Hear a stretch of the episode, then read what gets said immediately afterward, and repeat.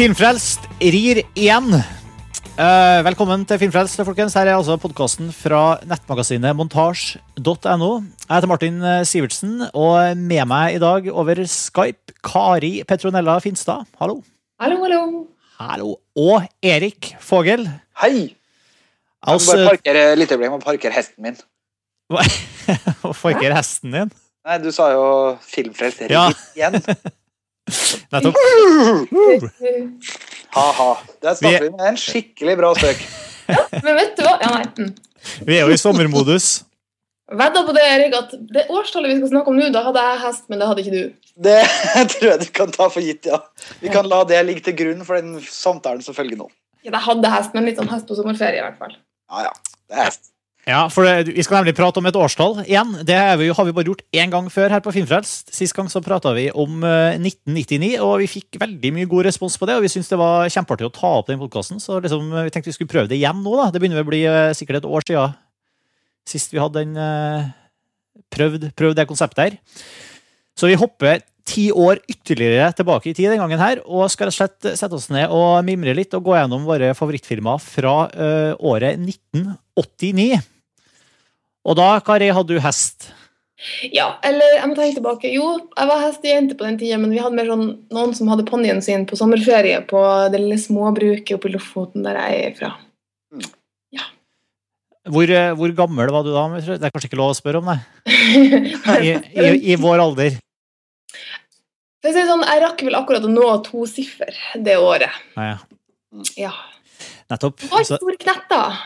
ja, vi var ikke Ja, nei, jeg, jeg innser jo at når jeg liksom eh, satte meg ned for å kikke på filmåret, så innser jeg at det er veldig mange av de, i motsetning til liksom 1999, sånn, det var veldig mange av de filmene som jeg som jeg ikke så i 1989. Det er kanskje for det første fordi at det tok liksom et år fra filmene kom eh, i USA, ofte til de kom i Norge og sånn, men, eh, men også for at jeg så jo film liksom De fleste av filmene så jeg utover 90-tallet. Mm.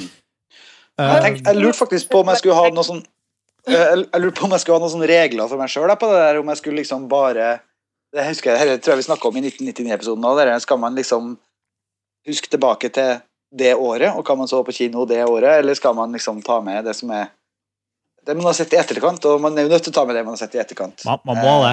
Jeg var 14, jeg tror jeg så ekstremt lite film på kino det året. Som sagt, jeg bodde i Grunnfjord, det er ikke så mange kinoer der heller, for å være helt ærlig, og vi hadde ikke videospiller. Så jeg var det, hva skal jeg si, barn fra et ikke så veldig møblert hjem.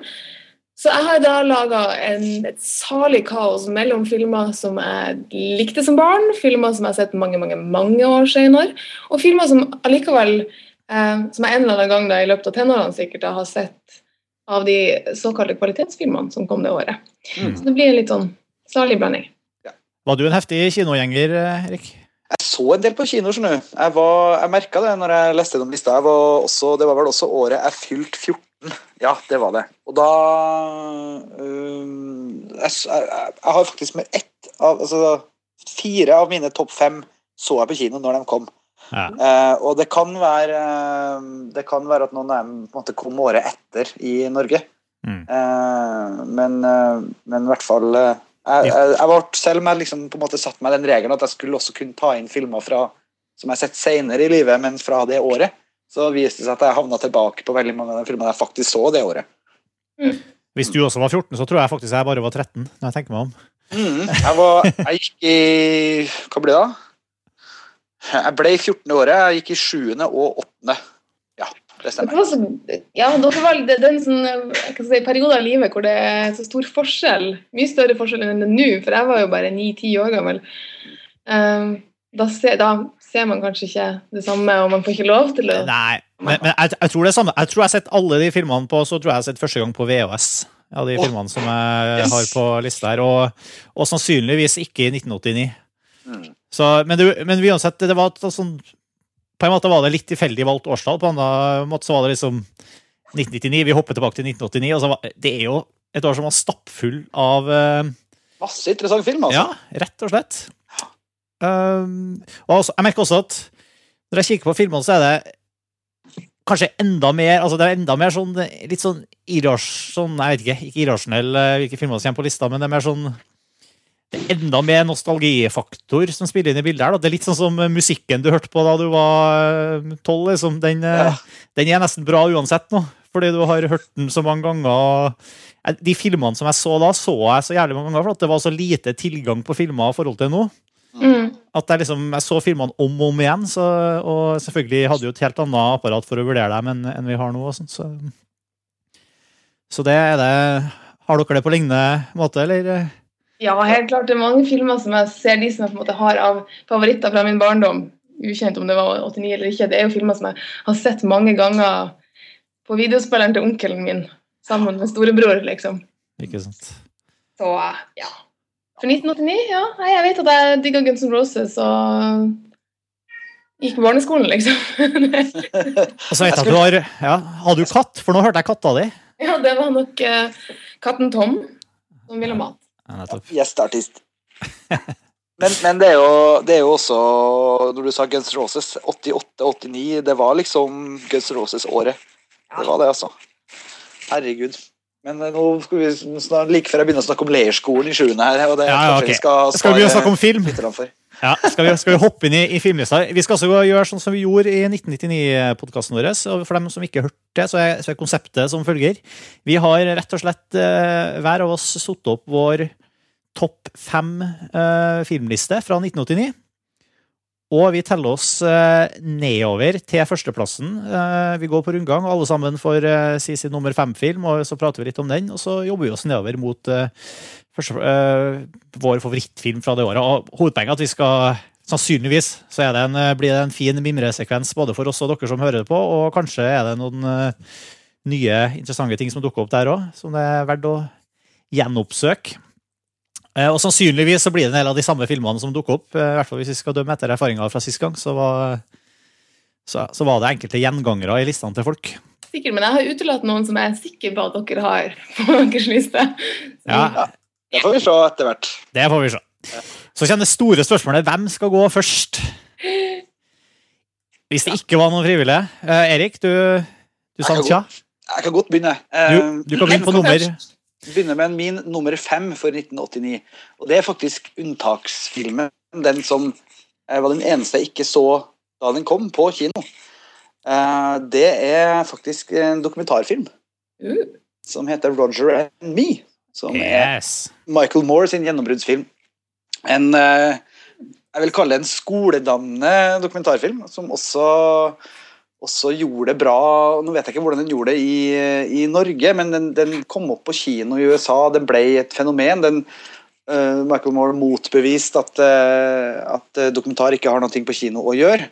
Uh, og, og den er jo på en måte utgangspunktet for alt vi forbinder med han i senere tiår også Uh, stilistisk og sånn metodemessig. Han putter, putter seg sjøl foran kamera, og filmen handler om at han eh, prøver å få prata med eh, Roger Smith, som er sjefen for General Motors, etter at, eh, etter at General Motors legger ned en kjempefabrikk i hjembyen til, til Michael Moore, som er Flint, Michigan. Flint, ja. Det var det. Mm. Eh, det, altså, jeg, tror det, det står i et IMD-sammendrag at eh, 30 000 jobber eh, var, ble, ble kutta ble, når den eh, fabrikken stengte. Og han eh, prøver jo da å finne ut hvorfor det her skulle skje, og han eh, lager jo en film om det på en måte som er nærmest hans, med hans hjemby, hans eh, nabolag og, og hans lille, lille samfunn der.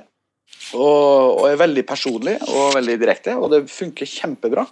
Den er også ganske overraskende, syntes jeg første gang jeg så den. i hvert fall. Eh, Den er veldig avansert sånn filmspråkmessig. Eh, Han, han danser imellom eh, forskjellige teknikker, og jeg syns han er klarer å lage en helhet av en slags suppe eh, som er veldig, veldig god. Velsmakende eh, gulasj, kanskje du kan kalle det. Um, av, eh, av intervju og nesten kåseriaktige betraktninger og mer filmatiske sekvenser. Kjempemessig, og jeg syns ikke han har uh, Altså, jeg, jeg, jeg, ja, altså, kan si at jeg, tror at i ettertida, da, etter hvert som vi kommer lenger inn i framtida og ser tilbake på hans eh, filmforfatterskap, så tenker jeg at den vil nok fortsatt bli stående som den største perla, selv om mange av de eh, nyere filmene har også vært veldig eh, truffet veldig godt i tida. da. Eh, som Fahrenheit 9-11 og for eksempel. Eh, og Det, da men det er liksom ja. litt mindre fjås i Roger and Me. Den er litt det, det, mer sånn uh... ja, det, det virker så ærlig Ja. og personlig på et eller annet vis. Det, det, det er på en måte det, han bruker det samme på en måte um, altså argumentative stilen, eller hva du kaller det. Altså, det er jo en slags altså, det er jo en pamflettfilm. Han skal jo liksom inn og avdekke eh, General Motors kynisme her, og han gjør det jo. Men han forteller det gjennom ekte historier, ekte mennesker og seg sjøl. og det, det, det, det oppleves, sånn, selv om det er på en måte veldig konstruert, så oppleves det veldig nært og, og ærlig. da. Eh, så det er min nummer fem. Har dere, dere har sett den, dere òg, ikke sant? Mm. Ja, jeg, jeg, jeg, Den står faktisk på shortlista mi. Jeg har en sånn liste over filmer som jeg liksom vurderte å ha med i lista, og den står der faktisk. eh, En av grunnene til at jeg kanskje ikke sånn at jeg, så den veldig ny altså Jeg så den liksom de, i løpet av de siste tre-fire årene for første gang. Mm. Så jeg, jeg liksom oppsøkte den etter uh, den herre ja, Du sier at det var gjennombruddsfilmen hans, men jeg ble liksom ikke kjent med, med, med han som filmskaper før uh, liksom etter 'Bowling for Columbine'. Så jeg, liksom, Mm. jeg oppsøkte den i kjølvannet av det, da, for å gå liksom tilbake og se de andre filmene hans. Jeg så den før Bowling for Columbine, eh, sånn at jeg var kjent med hans, hans greie når den, når den kom. Og, og ja. Eh, Men og jeg, har også, også sett en del av TV-tingene hans faktisk før, eh, før Bowling. Men jeg, jeg er veldig enig i det du sier, at, at det føles liksom som den mest sånn uh, Selv om det er liksom veldig representativt for alt det han uh, Den stilen vi kjenner, så er det liksom uh, Den føles veldig eh, Ja, kanskje som den mest autentiske, for å si det på den måten. Og den, det er hans regidebut. Det er det som er så sprøtt. Han, han, tar, eh, han bare hopper i det, han. Og, og lager, lager den, liksom. Eh, med det han har for hånda av stab og utstyr og sånne ting. Han er sikkert Jeg mener jeg har lest i en av, en av bøkene hans, eh, så har han skrevet en del om, om hvordan den filmen ble til, og han er nok en fyr som lett romantiserer den derre do it yourself-tida der, hvor han bare liksom hadde brennende ønske om å lage en film om eh, det som skjedde i, i, i byen hans, og at han på en måte bare lærer litt underveis og, og, og finne ut av det og lage på en måte et mesterstykke med en gang.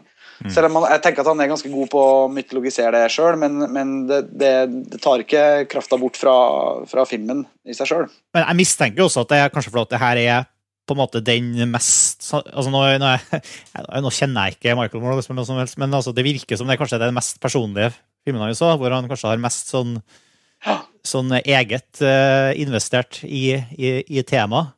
Ja, Og ikke bare absolutt. hooke seg på en eller annen stor verdensbegivenhet, men har liksom sin Det er jo familien hans i stor grad involvert her. Og, Ja, og Han forteller jo om oppveksten sin og hva liksom General Motors har betydd for han og byen han bor i. Altså, det er veldig Ja, og han er liksom Det er sjøllært eh, dokumentarfilmskaper med, med en, et stort tema eh, og mye person, og det har funker veldig veldig bra i det tilfellet her. da. Så den ble, har blitt stående for meg, i hvert fall.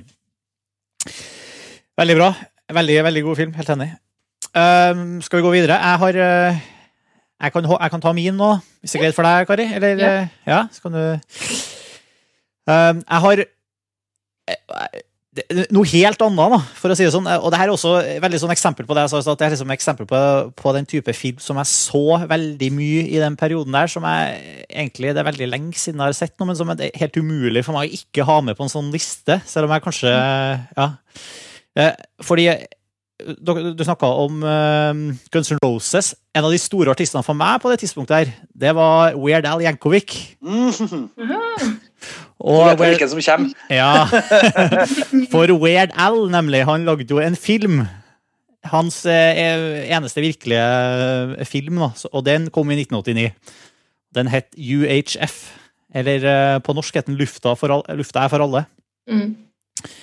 Uh, og jeg, jeg vet ikke i hvilken grad man kan argumentere for at det er en god film, men det, det har vært en for, for meg så er det Den sitter i, veldig godt i blodet. Altså, det er så mange, og det er særlig de elementene i filmen det er veldig, altså Filmen er egentlig bare en unnskyldning for å I hvert fall sånn som jeg husker den, da, først og fremst for å vise en rekke sånne filmparodier. Som, eh, som Weird Al, han er jo, Vi har jo sett hans fantastiske musikkvideoer. Han karen som har regissert UHF, er den samme karen som har regissert de fleste av Weird Al sine musikkvideoer. Altså liksom alt fra, fra, fra Fett og, og Eat It og, og til alle dem eh, Hvis dere har sett dem, så er det liksom for, for, for meg så var det liksom høyde, høydehumor eh, pre-YouTube. Humorgreier, så jeg var veldig glad i det. Og, og, liksom de her, og i UHF så får vi servert liksom parodier på Rambo og Indiana Jones og en rekke sånne ting som, eh, som jeg bare syns var utrolig kult. da. Veldig minneverdig slåsssekvens også, med litt eh, eh, hvor det eh, overraskende kommer noen kinesere ut fra et skap og bli med på kung fu-moroa. Jeg husker den filmen her veldig godt sjøl. Ja. Det er jo liksom umulig å fortelle sånne gags, da, men jeg, bare, jeg ler fortsatt når jeg tenker på det. Og jeg syns også den her var veldig morsom. Det er noen som river opp en dør det står 'supplies' på.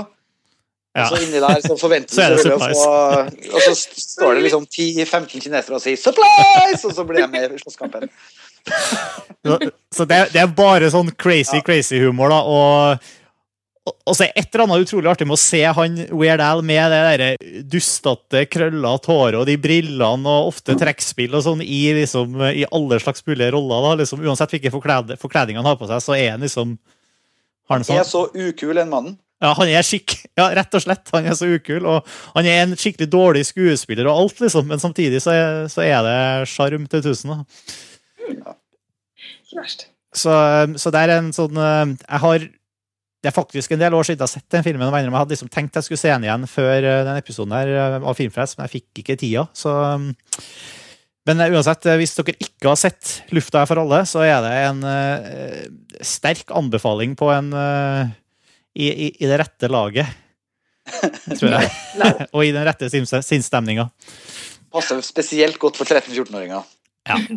Spesielt. jeg, jeg tror det, altså. Jeg tenker at det liksom, det er et eller annet med den tida. Jeg så den også rundt eh, da, eller sikkert et par år senere. Sånt, og jeg synes den var hysterisk morsom.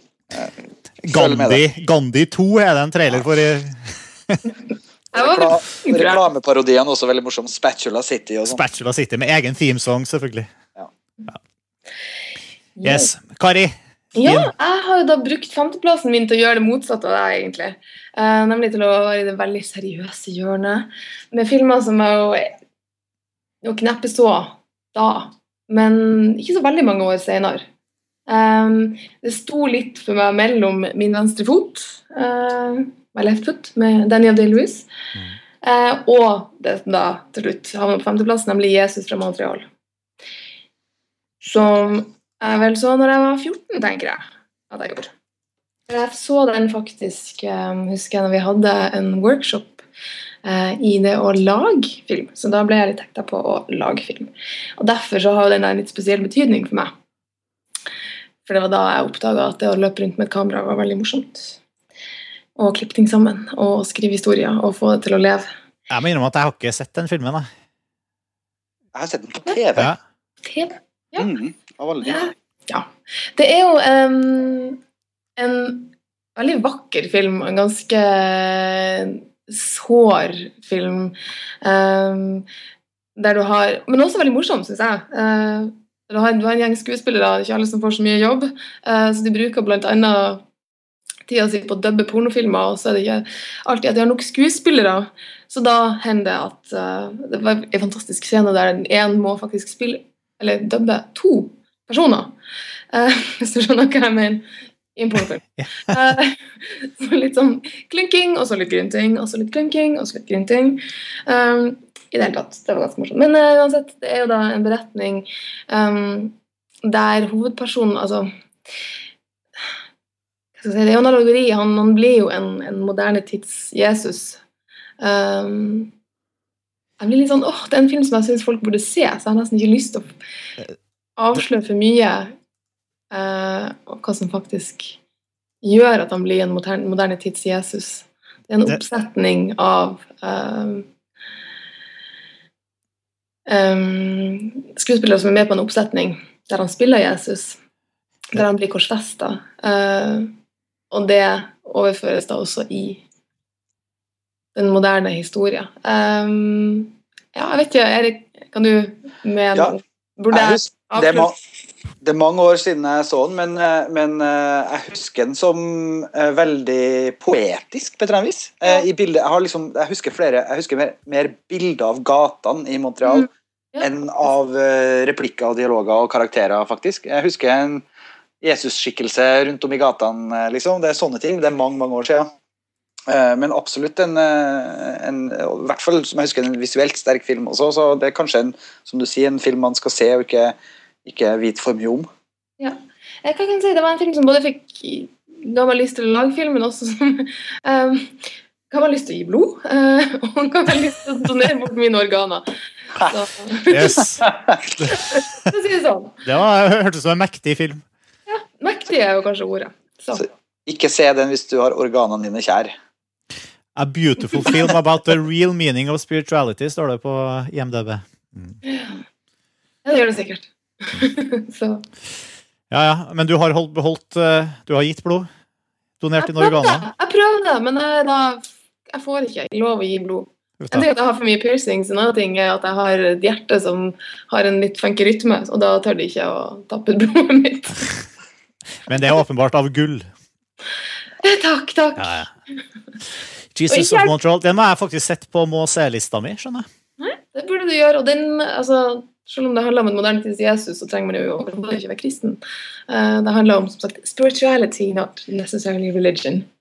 Så, Re regissert av Denise Arkand, uh, som jeg ser også har gjort uh, eh, Barbarian Invasions, Age of Ignorance, litt forskjellige ting. Så han, har, han er jo, holder jo koken, han. Eh, absolutt. Jeg har ikke noe inngående kjennskap til han. Eh, eh, men jeg må putte den på lista og den her, på lista over ting jeg må se igjen, åpenbart. Jeg har nettopp kjøpt den. Nå! Jeg har, eh, jeg har eh, hot, hot account på play.com. Det, går- det går jævlig kjapt. Yes, Herlig. ve ve veldig, bra. Takk for det, Kari. Bra tips. Uh, din fjerdeplass for eh, 1989, Erik? Ja, da begynner vi å komme inn på de filmene eh, vi så på kino, eller jeg i hvert fall, og det er Peter Weirs Dead Poet Society er på min fjerdeplass. Mm.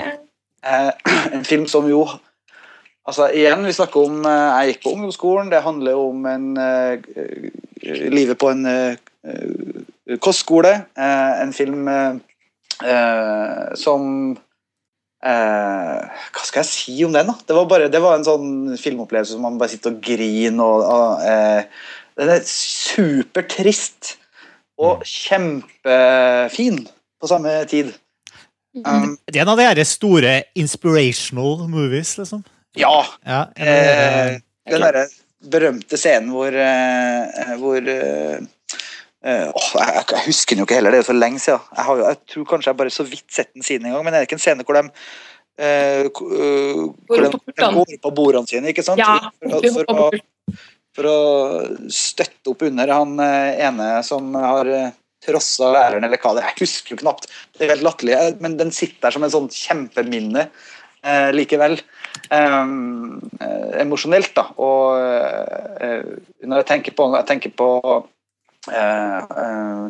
faktisk Robin Williams, som på en måte seinere har eh, gjort utrolig mye dårlig, men her var han jo i knallform. Um, ja, og ikke en, selvfølgelig ikke en ren komisk rolle. Altså, Nei. nei, nei, Mm. Altså, den er jo vakker. Den, liksom, den havner også litt i den kategorien blant de filmene som jeg hadde liksom, på femteplass-filmene. De, hva skal jeg si, de gode, de såre, de som på en måte er vakre og, og som gjorde sterkt inntrykk. Eh, for det gjorde den jo helt klart. Og, men jeg regner, jeg regner med at han ikke kom til å ta det. Den kom dukke opp, ja. ja. ja. At vi kom til å ta den, ja. ja. For, for meg så hadde jeg også notert meg som en av de filmene jeg husker gjorde inntrykk, men jeg, jeg, jeg klart, jeg, den er rett og slett ikke fersk nok i minnet til at jeg kunne ha satt den opp uten å ha sett den på nytt. Eh, jeg husker også at den gjorde inntrykk på meg. Den gjorde inntrykk på foreldrene mine, husker jeg, som anbefalte den for meg. og Det var liksom en sånn av de store sånn transgenerasjonsfilmene som, som Mm. alle likte. på Mm. en måte. Ja. Det tror jeg. Eh, Og, men også, som du sier, en inspirational, ja. Eh, eller at liksom eh, du skal Altså, ja. Det er litt sånn Fi- Field of Dreams. eh, Ja, det er litt, det, litt ja. det der. Og jeg merka at jeg, jeg, nok ha, jeg skulle helst ha sett den på nytt igjen. Eh, for å liksom bli friska opp på den, men jeg regner med den eh, holder seg, holder seg bra, altså. Men jeg, jeg tror også den har kanskje spesiell appell jeg vet ikke. Når man er i den alderen til de guttene som lever under, eh, under pisken fra Det er vel nå en, en, en streng far og litt forskjellige sånne ting som, Mm. som er motkreftene i den Og konformismen på den skolen som er motkreftene i den fortellinga der. Eh, Men jeg regner med den så jeg regner med den jeg regner med den holder seg, men at eh, den gjør kanskje spesielt inntrykk på tenåringer. da kan jeg tenke meg. Og Peter Weir er jo en av de Han hadde jo en film på kinoer. Så så dere den? Nei, vet du hva, den fikk jeg ikke sett. Det var The Way Back, ikke sant? Som vi Ja, snakka litt om nettopp. i en tidligere filmfest. Ja. Åh, jeg var litt skyldig der, ja. Nei, jeg har ikke sett det. På lista. Du har jo kjøpt den, nå, du tenker jeg. Nei. Nei, men den, den, den så jeg. Den har jeg sett. Uh, så den uh, Vi trengte å prate så mye om den, men uh, jeg, ja, jeg, jeg likte den mindre enn en mange andre. Uten at vi trenger å gå inn på det. Men apropos Field of Dreams, den er jo også en 1989-film, ser jeg. Ja, jeg så den. noen- Ja. Eh, husker, jeg husker det, men eh, Den har vi også prata om mye i, i det har vi også litt om. Mm, Eller min far har jo prata om den på Filmfrelst. ikke sant. Men da vil vi høre din, Martin. Eh, ja.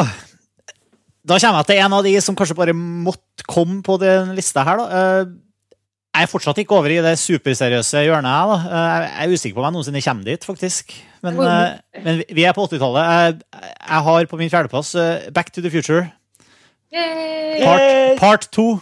Ja. Selvfølgelig. Altså eh, En fantastisk oppfølger, syns jeg, til en fantastisk film. Og, og det her er jo filmen som liksom ga oss eh, Altså, det har liksom eh, tidsreiseparadokser, og den har eh, liksom hoverboard, ikke minst. Det er framtida! Det er framtida, liksom. Eh, og fortsatt nesten like underholdende som den første Back to Future-filmen. Og det er en del mindre heldige sekvenser i filmen, her, synes jeg, men, sånn som jeg husker. Men, men likevel så, så har jeg liksom Den filmen her har- gjort inntrykk. Den har betydd noe, liksom, og den er, det er en god film, rett og slett.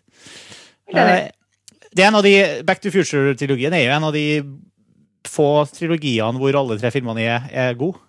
Mm. Uh, selv om den første Ja, nok, nok, nok, si nok den- er best. Ja. Jeg syns faktisk den western-greia Da har de eh, tøyd I treeren da har de tøyd strikken litt for langt. Jeg er nok mest Ja, glad i er- eneren og toeren. Den er på grensa. Det er kanskje, Du har rett i det, kanskje det er, men i hvert fall toeren holder absolutt mål. også, og det er jo Ja, som jeg har vært inne på før, uh, Semekis har eh, 80- og 90-tallet som sin eh, Der han har gjort sine store ting, og det her er en av dem også. Eh, Tilbake i framtiden, eh, part eh, two. Jeg, jeg så nylig på Det var bare noen måneder siden så var det noen som hadde lagt ut masse hittil ukjent eh, materiale filma for Back to the Future Part 2. Som er, altså, de laga veldig masse sånn TV-reklamer og ting som skulle gå på skjermer i den filmen. Mm. Eh, og, og det var noen som hadde funnet en hel sånn haug med ting som ble produsert for filmen. Altså, noe ble brukt og andre ting ble ikke brukt, men det var et skikkelig flashback. å se, det var blant annet noen sånne scener med han eh, Biff, eh, som jo er sånn rik mann. Eh, og fordi at han har eh, Det er jo del av plottet i filmen, og nå spoiler vi kanskje litt der, men han skal stjele en sånn sports almanac som gir den eh, Hvis han tar med den fra framtida til fortida og gir den til sin yngre, den yngre utgaven av seg sjøl, Ja, ja. så vet han jo alle hvem eh, altså vet han jo hvem skal vinne alle store sportsbegivenheter i mange år framover, så at han kan, kan eh, sette penger på dem og bli rik. Og da ser vi også resultatet av det i framtida, når han er en sånn søkkrik drittsekk. Eh, ja, det var bare en uh, liten morsom ting. Jeg skal prøve å finne den linken. Så Penger forandra ikke den mannen. Han ble bare en rik, en rik versjon. jeg, skal, jeg skal finne den linken til TV-tingen, for det var ganske morsomt å se. Men altså, en av de, altså det er liksom den derre Noe av det som var så utrolig altså Den slutten på Back to Future er en av de beste filmsluttene noensinne. Når du har sett det som var en av tidenes kuleste filmer da han kom, ikke sant? Back to the Future, og så helt på slutten så er det den deres legendariske scenen med Roads. Where we going, we don't need roads. Ja. og så har du plutselig en flygende versjon av biler i bare sånn Wow. Eh, Det er liksom eh, Om ikke altså den, den mest geniale cliffhangeren, og så får du den filmen servert etterpå. Mm. Og selvfølgelig med at de har jo skifta en av hoved, hovedrolleinnehaverne. Eh, ja, hvem De- var det? De bytta ut hun som spiller dama til Marty McFly. Hun er en skuespiller som jeg ikke husker hva heter akkurat nå. eh, Claudia Wells het hun i den første filmen. Men hun ble altså bytta ut med Elisabeth Shue i Back to Future Part 2. Så de spilte inn De gjentar jo noen av scenene fra Back to Future 1. Blir gjentatt i Back to Future 2, så de, men de blir gjeninnspilt med Elizabeth Shue. da Det er sant. Det er sant. og, og de er faktisk faktisk veldig godt gjeninnspilt. altså Det er nesten umulig å se forskjell på de scenene. da. Eh, men det er liksom slutten på eneren blir liksom gjenspilt i toeren, men med en annen skuespiller. Og det er også et uh, Foruten alle de andre gode effektene i filmen, så er det også det i seg sjøl en ganske heftig effekt. ja. Har du noe- Har du noe forhold til den, Kari? Ja, absolutt. Det er sånn, en, nok en av de filmene som sant, jeg så på den tida. Ja. Eh, på VHS-spilleren til min onkel. Um, og den har jeg sett en del ganger, men jeg kjenner at den er ikke frisk i minnet akkurat. Men det gjør derfor så utrolig lyst til å ha en sånn Det var veldig kult å ha en, en videokveld da man satt ned og så en del av det. Jeg trodde du skulle si at det hadde vært veldig kult å ha et hoverboard, for det var det alle tenkte. Men den, og jeg leita litt, for jeg var litt sånn Å, jeg håpet at det kom noen Critters-filmer i 89, men jeg fant ingen. Nei, det, hva? Gjorde ikke det, altså? Jeg trodde det var midt i den tida. jeg. Det kom hvert år, gjorde det ikke? Eh, Kanskje jeg må se på nytt her.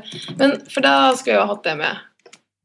Jeg så forresten også nå at eh, Crispin Glover også ble pælma ut fra toeren. Nei.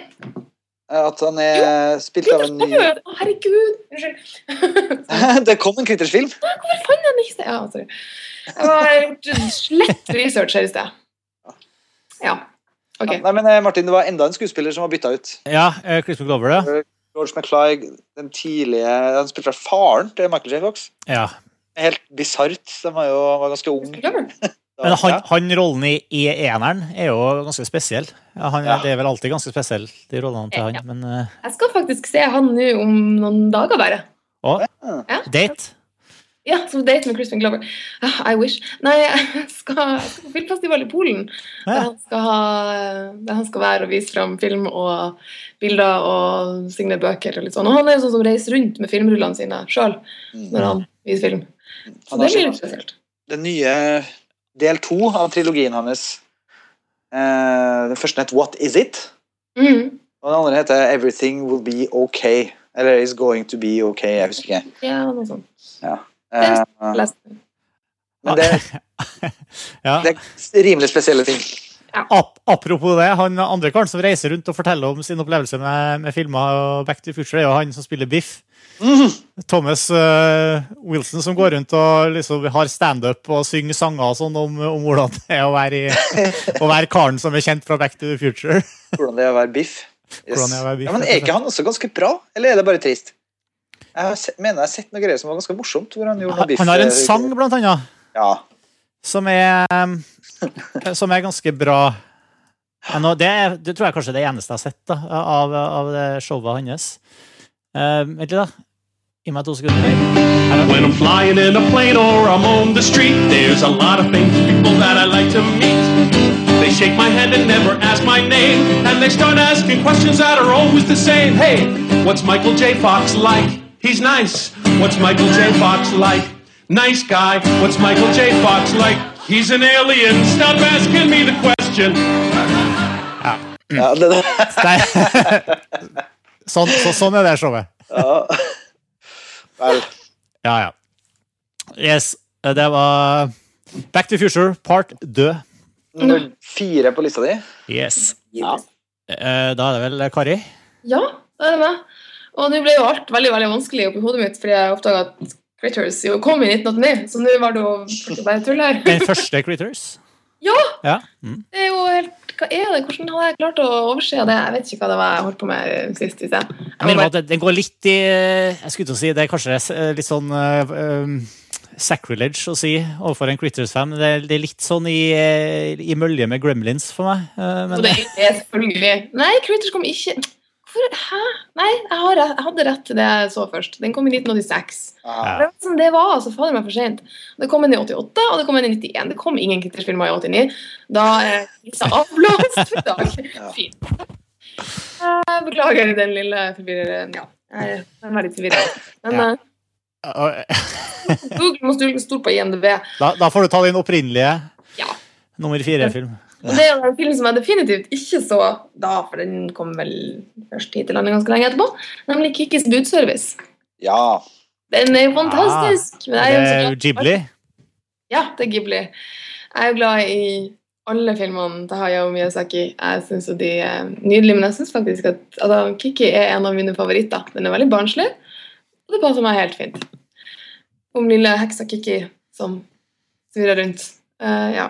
Jeg har ikke sett den eh, Jeg har ikke sett noen av filmene dine, Kari. Ja, du har så langt på lista, du har nok sett noen av de, for jeg hadde, har jo ja, nei. Men jeg driver og jobber meg gjennom eh, studio Du sier Ghibli. Ghibli. Jeg har hørt begge deler. Jeg driver i hvert fall og jobber meg gjennom den, eh, de filmene deres og har ikke kommet til den ennå. I speak no Japanese, så jeg sier Ghibli.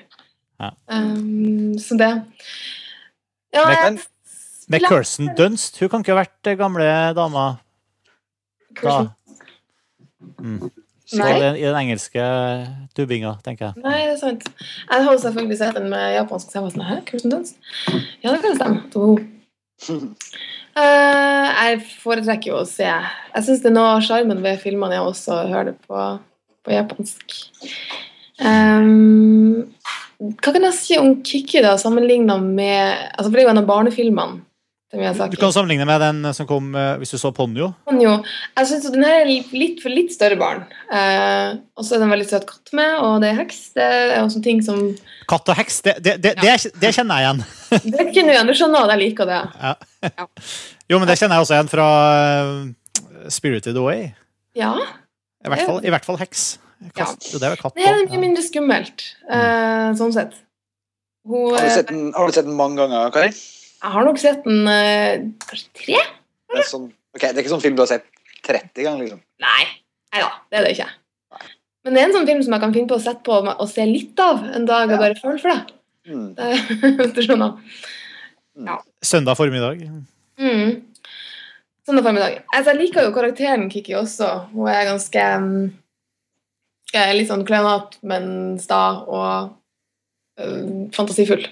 Um, og så har hun en katt som kan snakke. Det er jo også sånn, sånn som jeg blir veldig glad over. Og den er litt mindre, litt mindre barnslig, syns jeg, enn Ponyo. Eh, Hvordan, hvordan regnes den liksom inn i eh, Miyazaki sin karriere? Er det, sånn, er det en av absolutte toppene? Nei, det tror jeg nok ikke. Eh, Jeg tror nok at Av barnefilmer så tror jeg nok min nabo Totoro. Mm. Rada Høyar, for eksempel. Eh, og så har du jo da Chihiro, eller Spirited Away, da. Eh, som jeg syns er jo enda bedre. Og du har også de som er litt voksnere og litt skumlere. Prinsesse Mononoke og Alice Moving Castle og La Puta Castle in the Sky og hele den rekka. Eh, Men han har en sånn sensibilitet som gjør at jeg føler sånn, Selv en film som Ponyo, som du sier, liksom får litt eh, Litt yngre så, det, det er ganske dramatisk, da. ja. Jeg føler at de er ganske sånn eh, potensielt ganske skumle. Jeg føler at de er, er liksom, de er ikke lettvektere. Selv om de er barnslige i, i handling og sånn, så er det det er ganske sånn, De er ganske ekstreme da, i, eh, i alt, liksom. Fra, fra bare hvordan de er animert, til, til hvor, hvor liksom, De føles liksom litt fremmed på en litt sånn eh, Nesten Ja. litt, litt skremmende måte. Mm. De er fremme på en veldig fin måte. Det man kan si om Kiki, er at den kanskje er en av de som kan virke eh, streitest, sånn i forhold til en del andre, der det er mye mer eh, fantasi og magi på en måte vi kanskje ikke er så vant til i Europa. Altså, det er en helt annen måte å fortelle legender og historie på. Eh, mens Kiki foregår jo i det som kan se ut som en europeisk by. faktisk Litt sånn som Porco Rosso um, også foregår i Europa. Vi har jo vår variant, vi òg, selvfølgelig, med, med troll og, og sånne ting. Men eh, som også er sku, skumle barnehistorier. Men, eh, men ja. Ja. Jeg vil ikke si at Kiki er skummel, da. Nei. Det er den ikke. ja, men veldig bra. Kikis Delivery Service. Ja. Uh, det var din fjerdeplass, Kari. Da er vi på, på Eriks tredje. Ja, og der står jo Back to the Future Part 2. Ja. Yes. Så den er liksom ett hakk opp fra, fra din eh, vurdering, men eh, jeg har ikke så veldig mye å tilføye, egentlig, annet enn at jeg var, jeg var stor fan av Back to the Future-serien. Jeg så den på kino, og da var Jeg husker jeg kjøpt etter jeg hadde sett den første filmen og var helt eh, blodfan. Og var kanskje nei, Når var den kom, da? 86-7? Første filmen? Jeg husker ikke. Um, kan noen sjekke det? Hva sa det, Martin? Du da? Hva sa jeg? Hva var jeg skulle hva sier jeg? Nei, bare den første filmen. Eh, Eh, Back to the i- Future. Jeg hadde Ja. den oppe her i stad. så. Eh, 85. 85. Uh, uansett, når den når etter den kom, så kjøpte jeg faktisk en biografi eh, om Michael J. Fox. Skrevet når han var liksom 25, eller hva var ikke sant? Det var sånn derre Mitt My liv med Michael ja. J. Fox, en sånn billig paperback som var bare liksom klaska sammen for å, eh, for å cashe inn på, på hans eh, relativt eh, kortvarige karriere, eh, men som da hadde tatt helt av.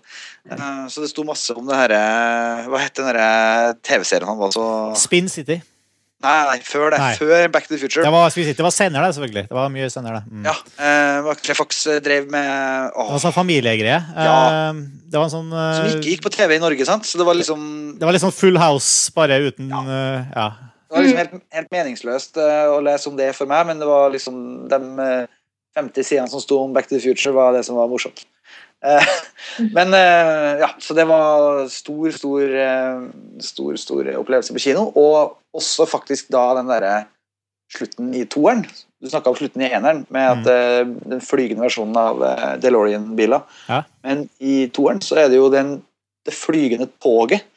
det flygende ja, ja. lokomotivet som er liksom cliffhangeren til, til treeren. Og det syns jeg jo også var ganske fett. da. Ja. Eh, Det er først i ettertid det har tapt seg litt. Det der. Det var helt vilt når det sto på. Så det var min nummer tre. Family Ties Family Ties, selvfølgelig. Herregud. heter TV-serien hans. Ja. Mm. 176 episoder. Jeg tror han filma det Eller han laga det samtidig med, med Back to Future-filmene også. Yes. Um, vi trenger ut Vi har vært, vært gjennom den, den nå. Eh, min uh, tredjeplass her Nå er vi inne på uh, Altså, jeg har eh, Nå har uh, jeg røpa min lidenskap for Vera Lenkovic. Jeg har også en lidenskap for James Bond. Mm. Og det kom en James Bond-film i 1989. Og der vet jeg at jeg er, har ganske mange imot meg, men jeg regner faktisk 'License to Kill' for å være en ganske god James Bond-film. Um, og det, det er altså Timothy Dalton, en av de mindre en av de mindre likte James Bondene. Jeg har egentlig ganske stor trivenhet overfor alle som har spilt James Bond. Um, og jeg, jeg liker License to Kill uh, veldig godt. Jeg så den ganske nylig også igjen. Um, og det er en, eh, en Det var vel da den, det er den 16. offisielle James Bond-filmen, og det, da den kom, var det den, den skulle du si Det ble omtalt som den, den hardeste, eh, mest eh, Kanskje ek, altså, mørkeste James Bond-filmen til dags dato. Uh, allikevel så føler jeg at det her er en film som uh, uh, Som klarer det som Quantum of Solace ikke, overhodet ikke klarer. Mm -hmm. Den, den, uh, som det var den siste James Bond-filmen, selvfølgelig, som, som jeg syns var en, en skikkelig dårlig film. For her, her har du den litt Du har den mer menneskelige, mer bitrere, mer skal jeg si, sårbare James Bond, altså, på en måte som Uten at du tar bort sjarmen og eh, James Bond-heten ved James Bond. Som, som jeg syns License to Kill nailer ganske bra. Altså.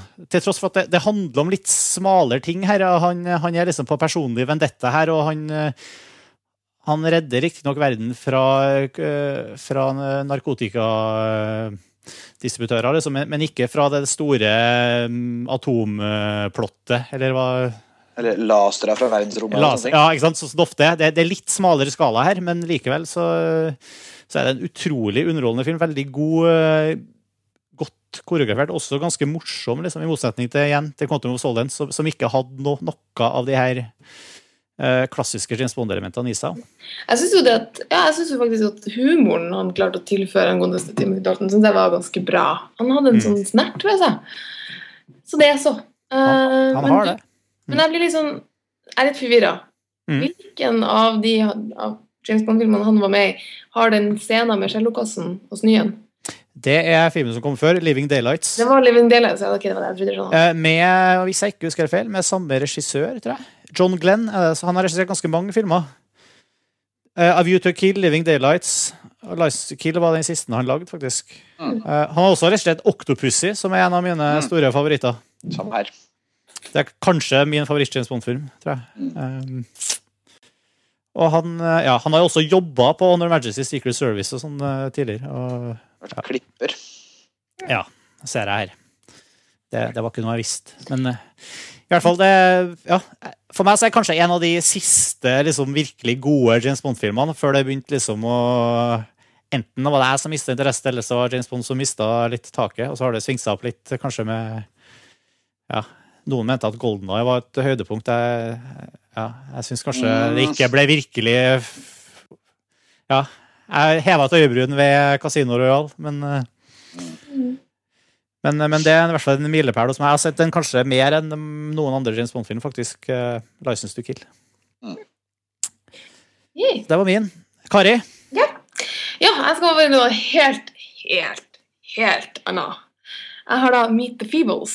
Ah, Peter Jackson. Hei, hei. Som er liksom sånn Hva, hva skal man si, da? Muppet Show uh, on, on acid. Um, men da er Peter Jackson sin fantastiske dukkefilm der de går bananas.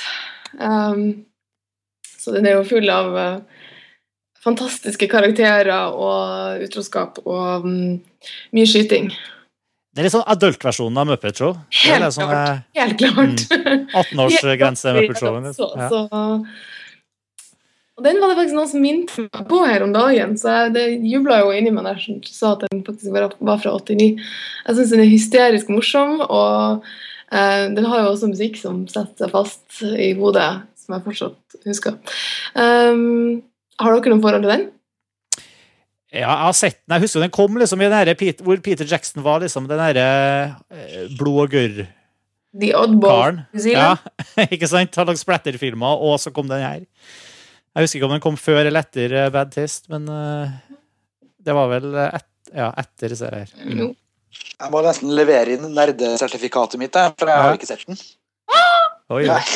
det er jo helt sjukt. Det er jo de er jo Peter Jackson og Muppets. Så Ja. Den kom midt mellom Bad Taste og Brain Dead. nettopp. Mm. Eh, Jeg ble med fra Brain Dead. Det må du gjøre. Ja, det, den, den, den er på må, må se-lista. Helt klart, det har jeg skjønt. Det var en sånn film som det ble snakka om, husker jeg, i, i, eh, på en måte i skolegården. Mm. Eh, liksom et par år etter sikkert den kom ut på kino, når den begynte å sirkulere på VHS.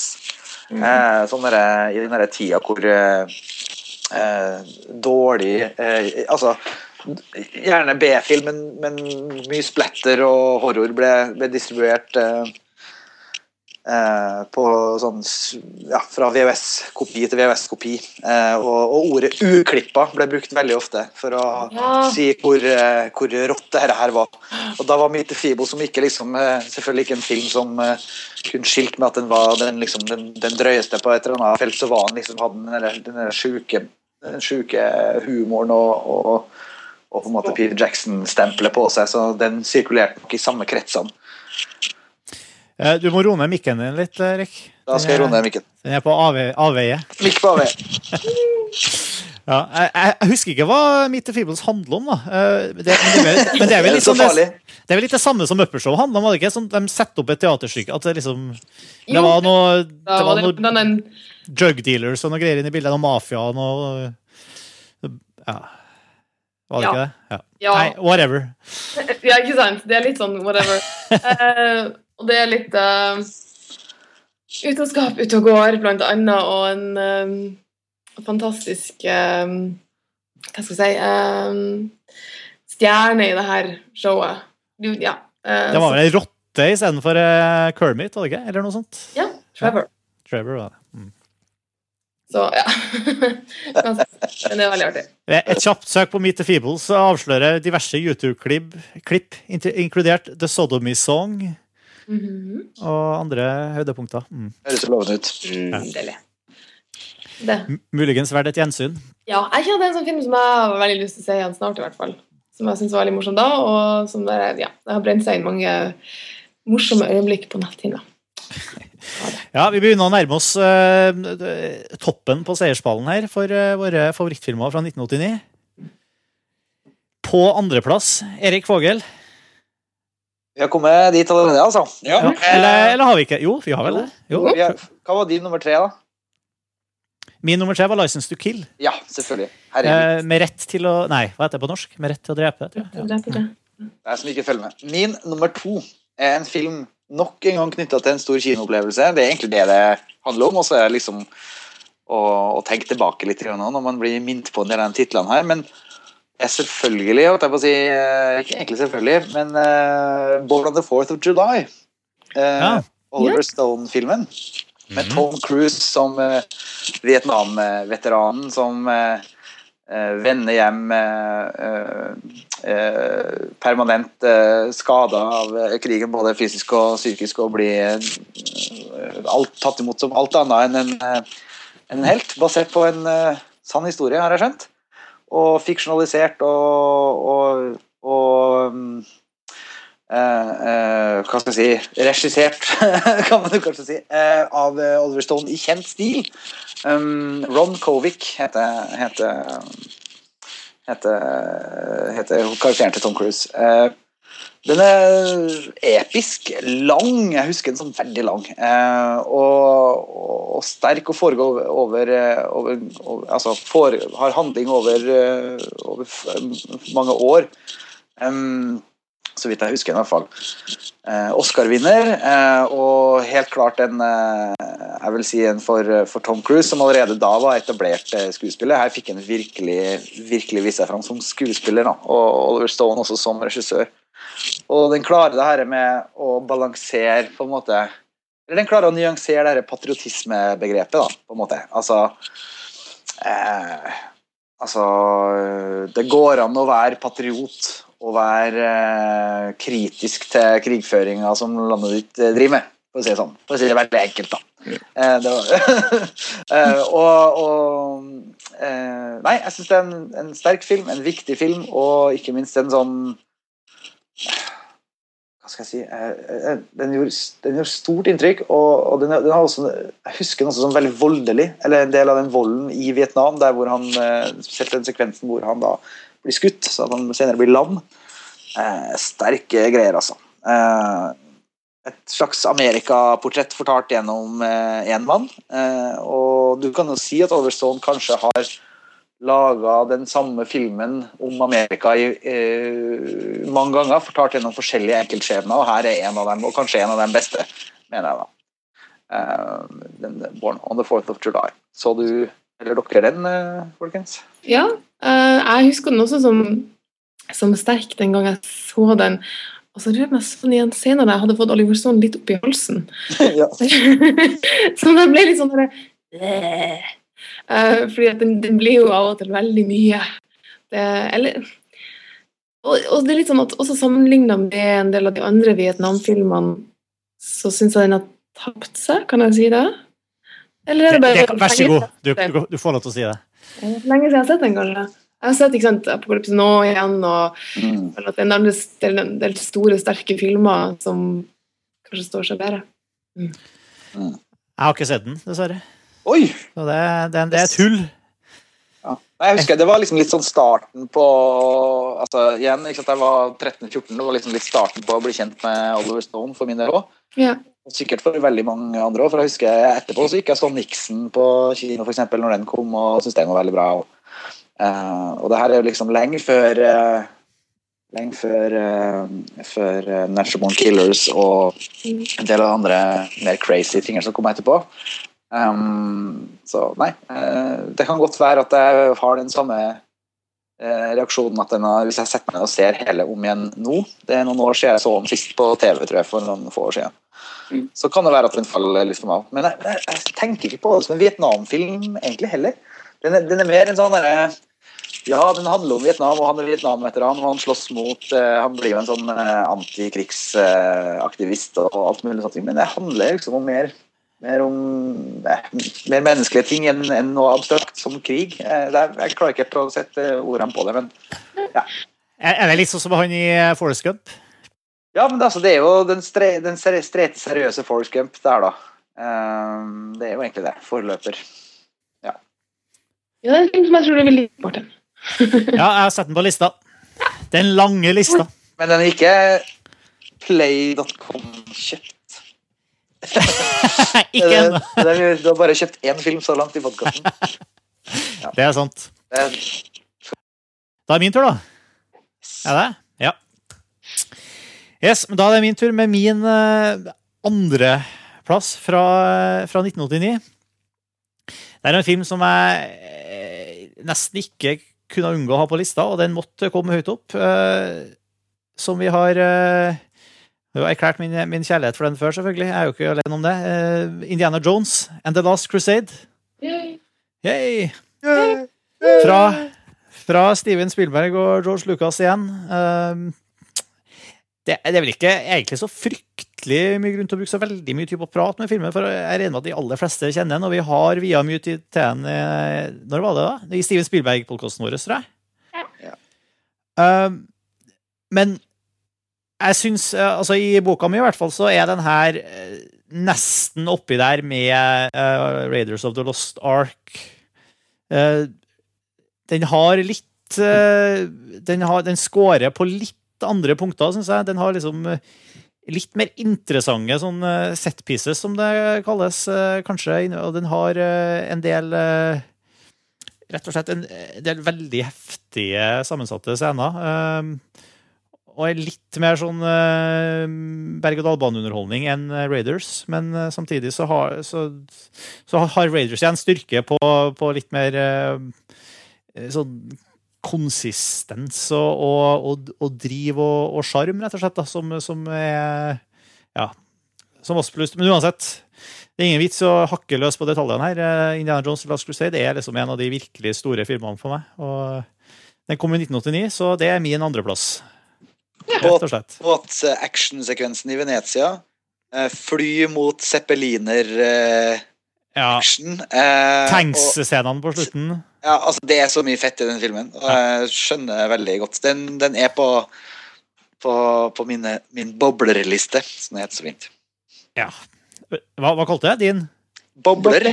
Babler? Mm. Bobler. Samme her. Bobler. Bobler. Mm.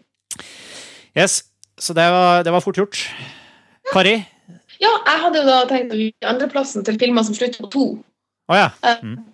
Sånn at jeg kan få lov å ha den delt. Var ikke det litt? Så du, skal ha den delt, du skal ha to filmer. Ja. Så du, så du skal ha to oppfølgere. Ja. Eh, det var litt eh, fordi jeg også har lyst til å ha til fremtiden 2 med, men den har vi snakka nok om. Ja. Og så har jeg selvfølgelig Ghostbusters 2. Ja. Ja. For Ja. ja. For det syns jeg er bra. Det er nok en oppfølger som jeg syns er bra. Jeg har en del forglemmelige øyeblikk knytta til min barndom uh, i seg. Um, og kan selvfølgelig, jeg jeg syns det er en bra film. Man kan, ikke, det man kan spørre seg ettertid om det er pga. øyeblikket der og da, eller om det er fordi at det faktisk var en bra film. Um, jeg syns jo er veldig morsomt. Og um, det er nesten litt sånn knekkende likegyldig for meg for hvilken film det egentlig er. Um, Den er jo like bra som treeren. ja. Som, uh, kan, som kanskje Nei, som ikke Som er World from the slime uh, liksom Det skal komme en uh, tre i 2012. Nei, altså Det er jo alle bortsett fra Bill Murray vil jo gjerne det. Ja. Murray har du, du complete story der, Erik? Nei, Det har jo vært en saga i flere år det, at, eh, at Reitman og Ackroyd sier ja, ja, nå driver vi og caster, og ja, vi har et dødsbra manus. Nå blir det film. Ja, ja, ja. og så blir det stilt. Og så blir det crickets, og så er det noen som spør Bill Murray sier nei, har du hørt noe om det her, du. Eh, ja, nei, og så sier han nei, alltid, jeg har ikke gidda å lese det engang.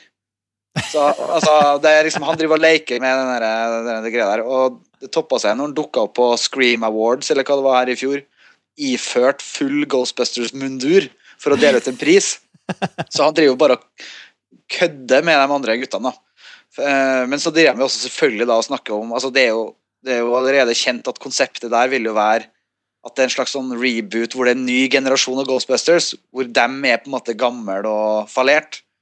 Og, og det er noen, det er noen liksom yngre, mer sexy eh, så, folk som tar over det, ikke sant. Så, ja. Men, men toeren tilbake til Ghostbusters 2, Ja. da. Eh, Så du den på kino når den kom? eh? Nei, selvfølgelig ikke. Nei, for jeg tenker, ja. Nei, det var nok igjen da VHS hjemme hos onkel. Um, så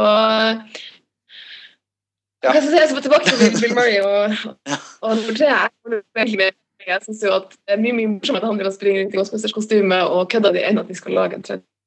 ja og det, det, det tenker jeg også, men jeg har det faktisk litt sånn med toeren også. Den, særlig når jeg så den igjen for bare et år eller to siden. At den også smaker, i hvert fall i ettertida, så smaker den litt cash in. Eh, den har ikke den friskheten som eneren hadde, så, så jeg er ikke helt enig med deg at, dem, at dem på en måte, du kan sette på hvilken som helst av dem. da.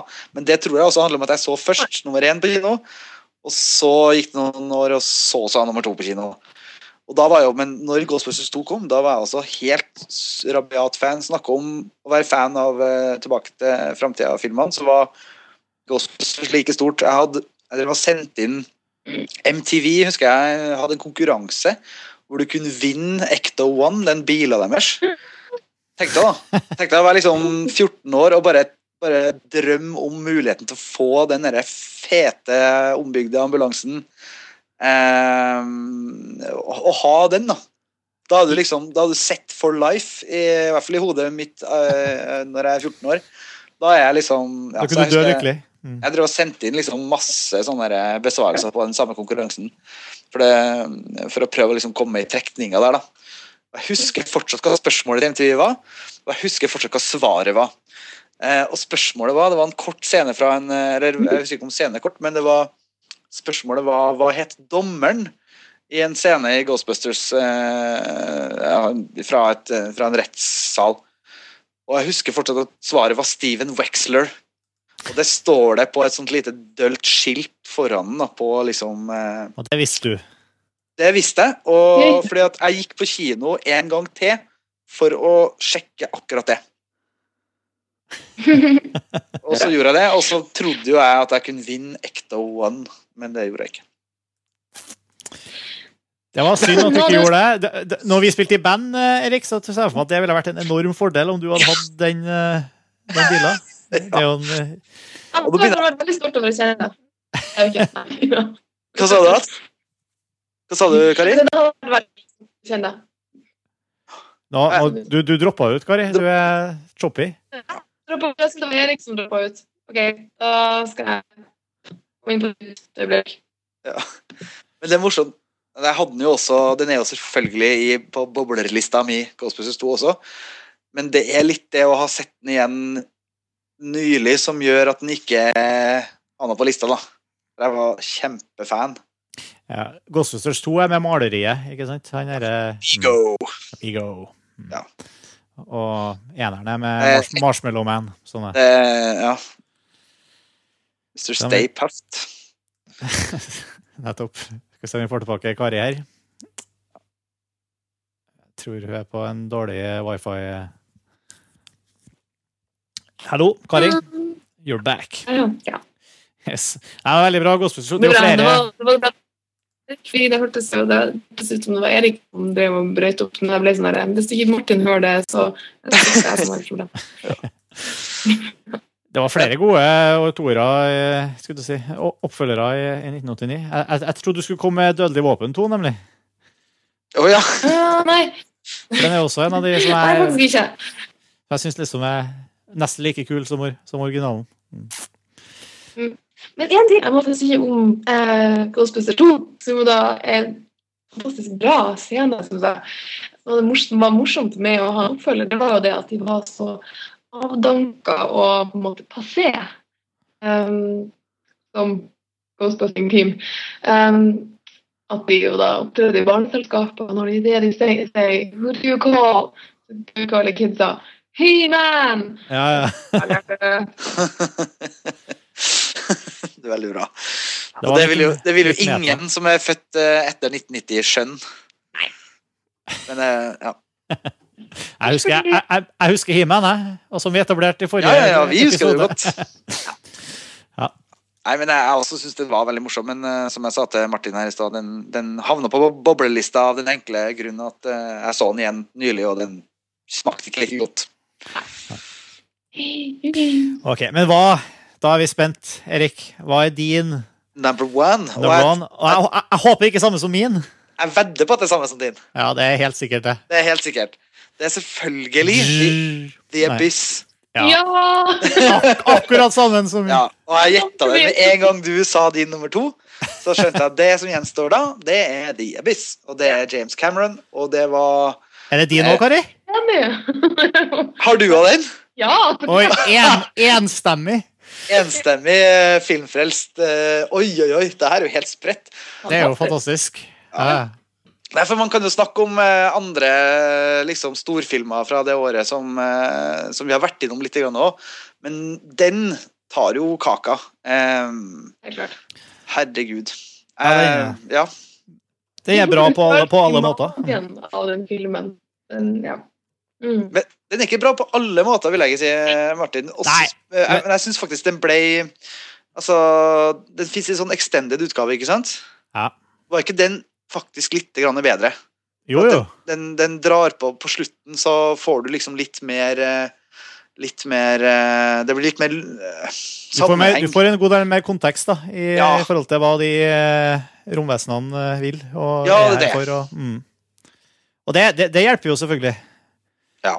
Uh, men når jeg sier at den er bra på alle måter, så er den bra på den måten at jeg, jeg, jeg tenker at det er en film som, eh, som, er, som, eh, som, ikke, som absolutt ikke har den effekten som du nevnte med Ghostbusters 2. At du, du ser den igjen, og så var den liksom ikke så bra som du huska, og det er litt kitschy og alt det greia. Det er liksom Ja.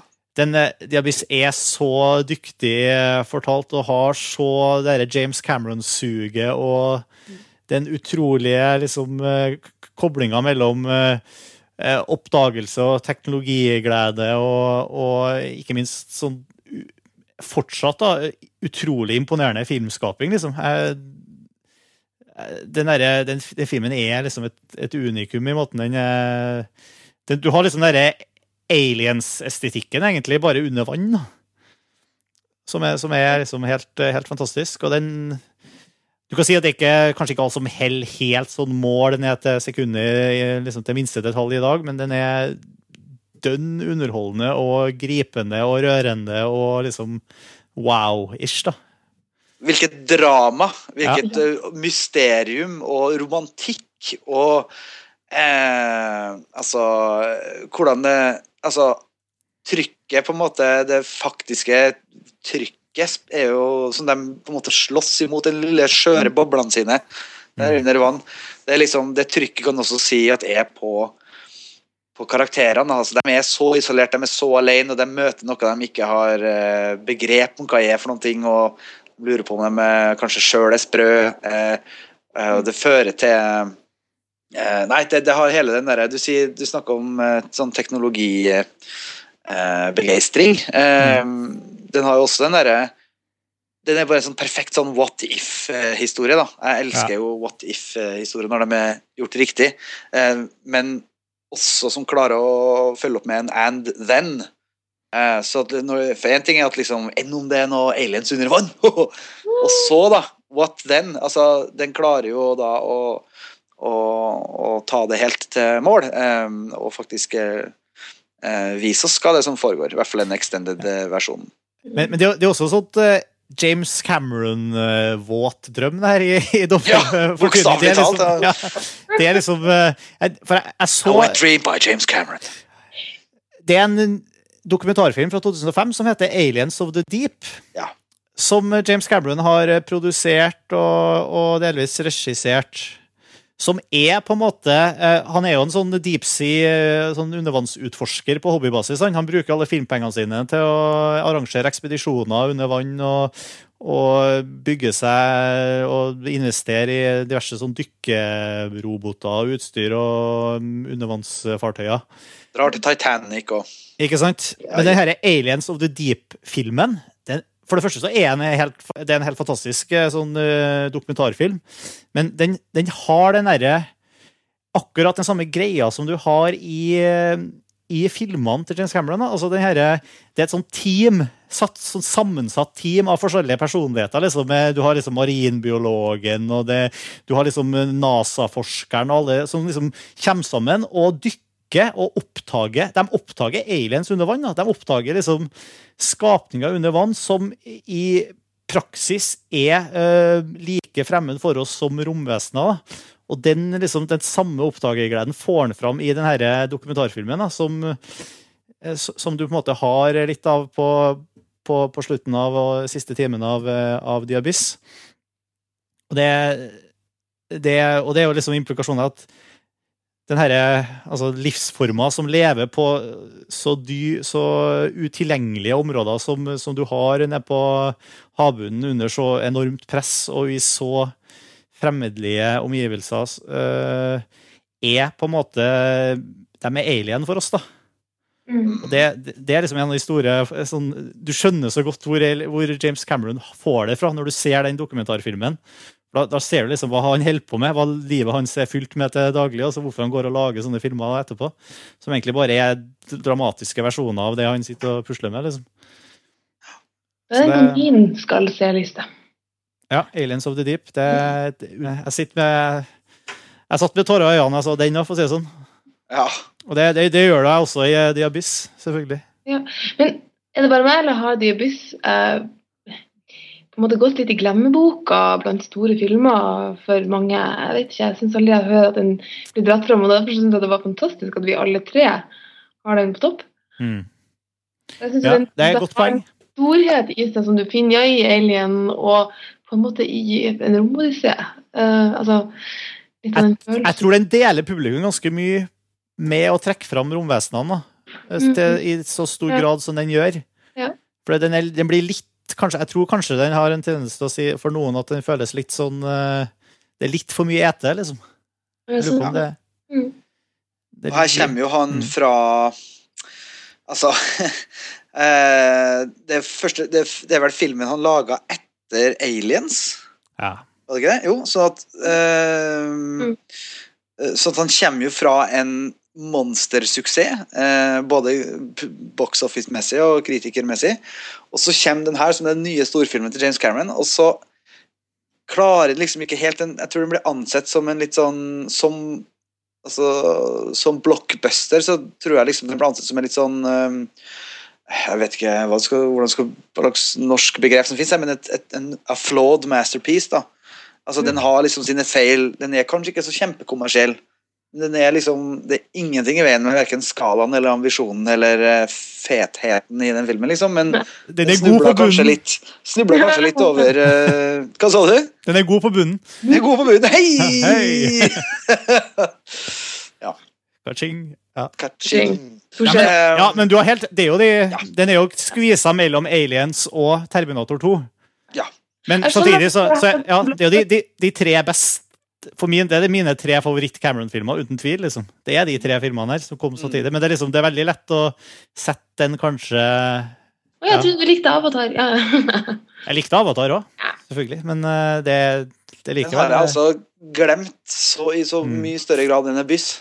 Mm. Eh, hvis jeg tenker på dem to nå samtidig, så er det liksom bare åh, Abyss. Det er jo liksom Men jeg har sett Abyss så mange flere ganger enn jeg har sett Avatar. Ja. Og der skjer jo Der bare merker jeg forskjellen på altså, Det er jo noe av det som er Jeg, jeg tror det er en del av appellen til The at du vet, fordi du ser det også, også men du vet at de har gjort det på ordentlig. Veldig mye av det. Altså at, eh, at det er skuespillerne som er ute og dykker. Og at det er, det er ordentlig undervannsscene. Og det er selvfølgelig en del modellarbeid og masse sånne ting eh, de gjør der også, men det er bare en sånn skala på det. Og, og en sånn, det er så tatt på alvor. At eh, Fantasien er så tatt på alvor at Men du vet hva som er utrolig, som jeg har lært eh, nylig? Uh, Ikke bare har de filma selvfølgelig masse av det her eh, under vann, uh, men den derre puste, flytende det, det å ha, flyt, ha flytende oksygen, eller altså vann, oksygenholdig vann eller sånt i lungene og puste, da. Jeg er ikke nøyaktig sikker på hva teknologien er der, men det funker, da. Den derre rotta som de gjør det på i filmen, Ja. Det er faktisk ikke filmtriks, da. Yes. Det er faktisk ei rotte som de eh, får til å puste den her flytende væska. Og, og den rotta lever etterpå. Den døde riktignok et år etterpå, eller noe sånt, men eh, det er faktisk teknologi som var liksom fungerende. Og, og det, det ser du også, det får du også se De snakker også om det i en av, de her, eh, en av Making of-dokumentarene som er på en av DVD-utgivelsene. Mm.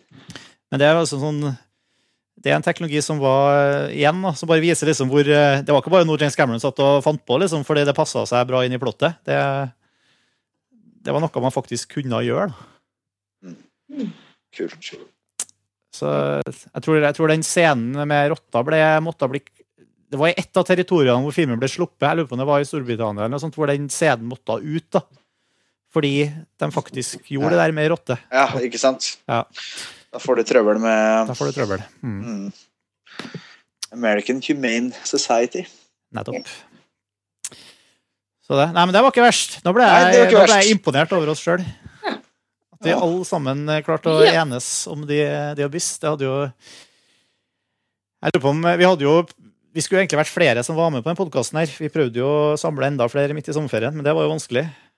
Eh, men eh, det hadde vært eh, Sjansen økte jo selvfølgelig når det bare var tre for at vi endte med den samme filmen, men allikevel. da, Det, det var mye å velge mellom. Mm, Ja, det var det, faktisk. Kanskje vi skal snakke litt om dem som ikke ble med på lista? Ja, Bare, for å dra liksom, hvilke filmer vi har vært innom. Ja. Honorable mentions. Ja, jeg kan kanskje starte. da, for at, altså, En ting var eh, Indiana Jones eh, Last Crusade og UHF og Ghostbusters 2, som vi har snakka om, men to som ikke er blitt nevnt, er Do the Right Thing. Mm. eh, Spike Lee sin gjennombruddsfilm, og som jeg syns er kjempebra. Um, uh, og den har ikke tapt seg. Uh, Den så jeg en nylig også. Uh, Mm. Den så jeg ikke på kino når den kom, den så jeg noen år etterpå. Um, og så er det en litt mer obskur en på lista mi som heter Society, som er laga av Brian Usna, eh, hans debutfilm. Det er en veldig bisarr horrorfilm om en eh, ja, vellykka ung mann i Beverly Hills som føler at han ikke passer inn eh, liksom, blant vennene sine og med familien sin. Han føler seg liksom annerledes og utafor. Og så er det en god venn av en som tilsynelatende dør. Men så klarer han ikke helt å falle til ro med hva det er som har skjedd med han. Så han driver og begynner å nøste i et slags mysterium og finne ut Og nå kommer jo den kjempespoileren for Society. Eh, ja, jeg, jeg spoiler det. Eh, så finner vi ut etter hvert at eh, familien rundt den og veldig mange av de folkene i nabolaget og andre eh, prominente mennesker i livet hans er en slags form for ikke aliens, men de er en form for sånn annen type eh, kreatur.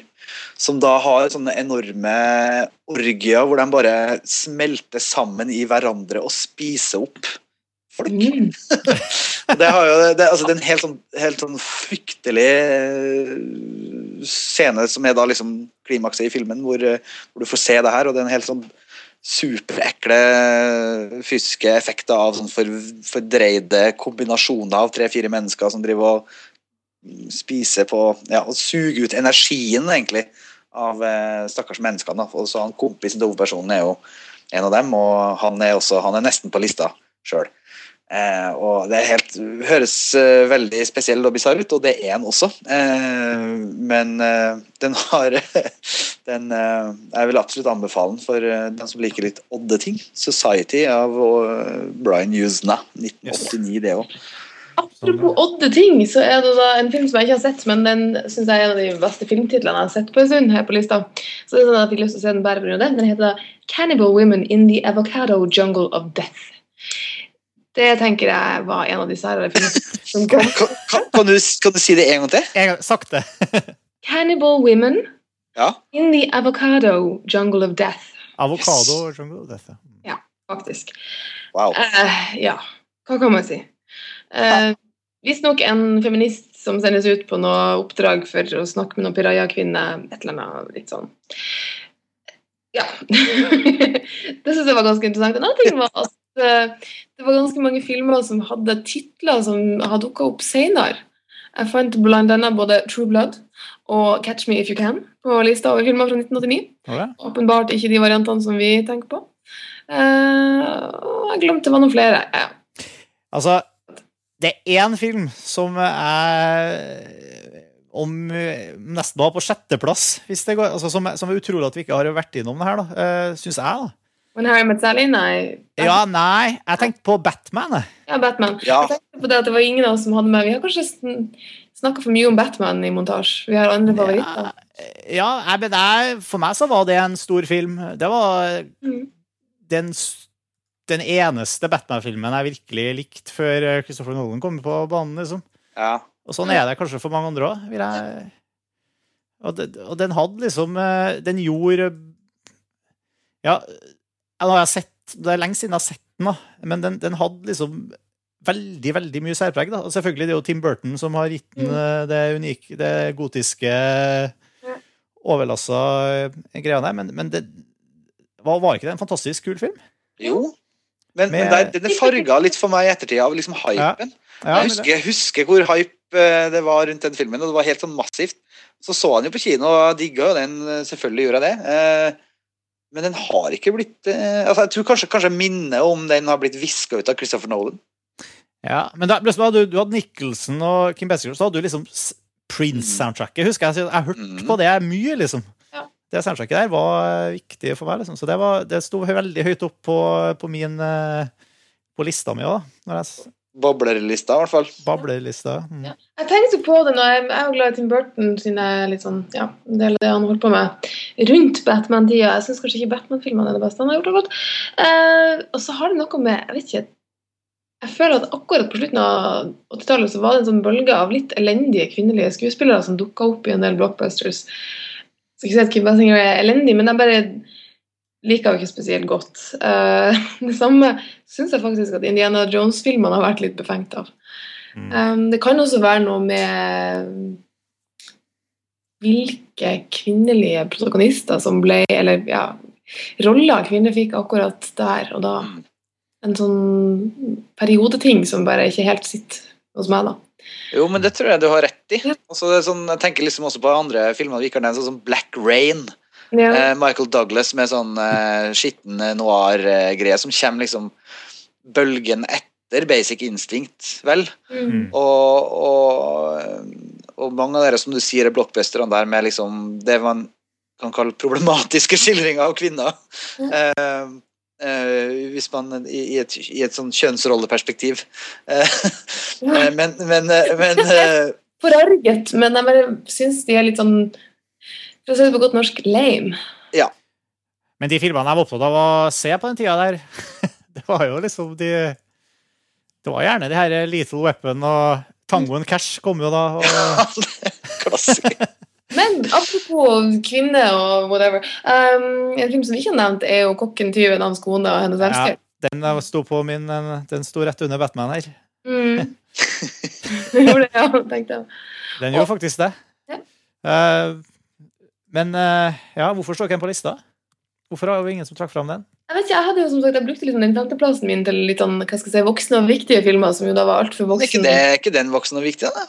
Jo, jo, det er det jeg mener. Eh, det er bare at, ikke sant, selvfølgelig, i 1989 så så ikke jeg voksne og viktige filmer. Så det ble, så det ble liksom hvor mange, altså sånn at Selvfølgelig så var det, det var andre filmer som etter hvert fylte opp lista mi.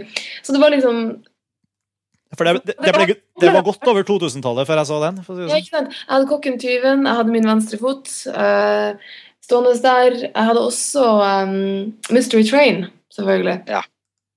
Sånne solide filmer som på en måte Og, og Fletch lever. Ikke minst. National Lampoons Christmas Vacation.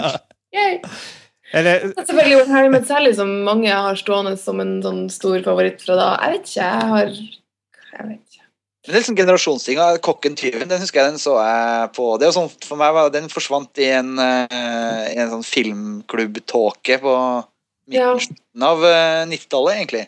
Kanskje på midten av 90-tallet tror jeg jeg så den. Det er det samme her. Uh, ja, vet ikke. Var ikke vi som snakka om det før, eh, før, eh, før opptaket, Erik, om at eh, 1989 det var, det, det var Berlinmuren og Politiskolen 6. Ja, Politiskolen 6. Ja, City Under Siege. Er under siege, ja. Veldig bra. Jeg har også lyst til å bare nevne eh, noen ting som bare slo meg når jeg gikk gjennom liksom, listene over filmer. Det, det var et veldig bra år for animasjon. Um, det var starten eller altså Wallace and Gromit hadde sin første film, A Grand Day Out. Nå er det en kortfilm som var sånn som ikke med i liksom, er vurderinga mi.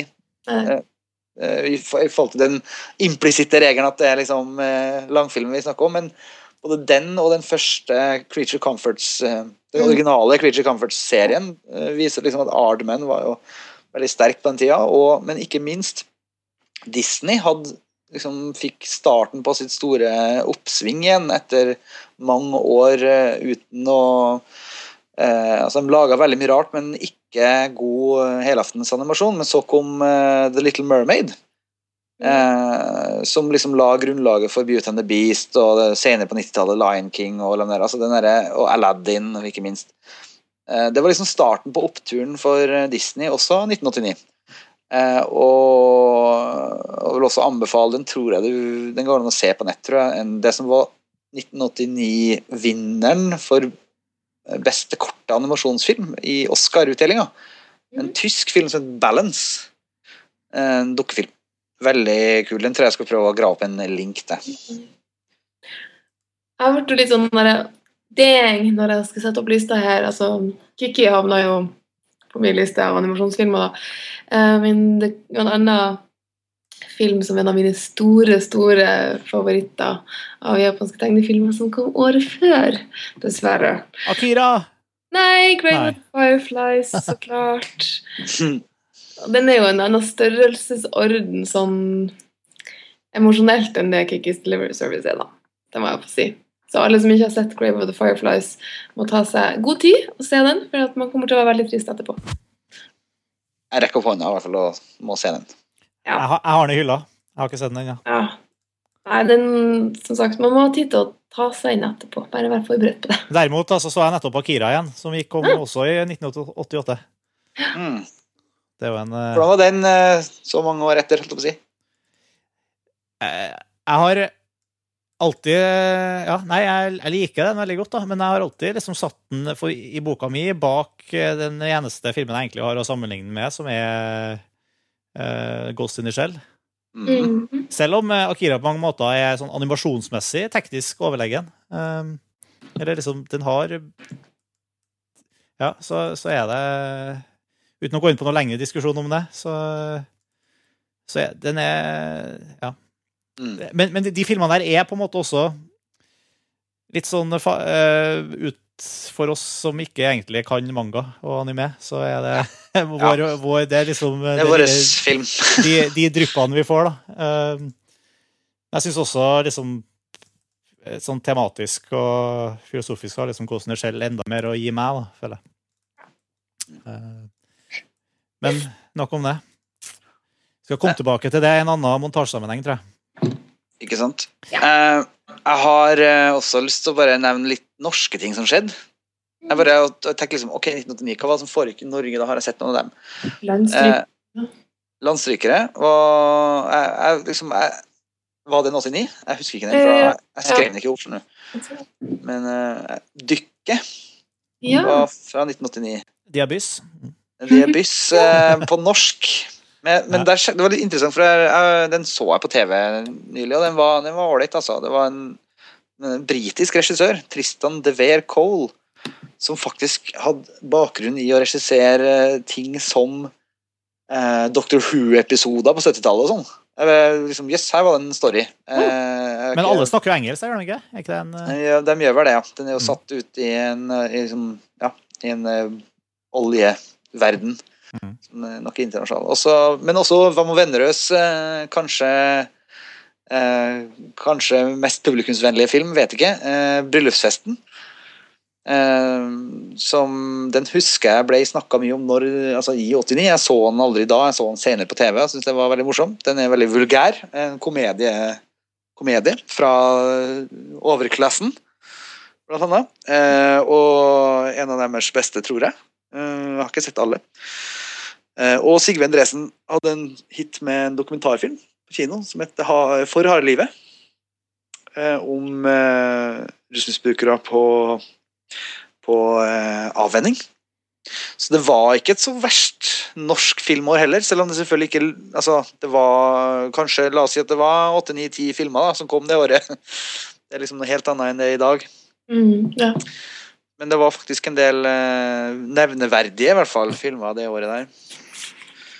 Ehm, ja. Det er vel eh, også kanskje verdt Nei, glem det. Mm. Sorry. Jeg kikka på uh, i Wikipedia og lurte meg her. Ramsa opp, Norske Wikipedia ramsa opp uh, Cinema Paradiso som en 1989-film. Så Ja. det Av en eller annen grunn eh, Ja. Glem det. Drit i det. Drit i det! Drit i det. Jeg så forresten Dead Calm for første gang, Ja. som er også en 1989-film. Kenneth Branagh eller noe sånt? Eh, Er det feil, da? ja Det er vel Nicole Kidman i hvert fall, og, og Sam Neill.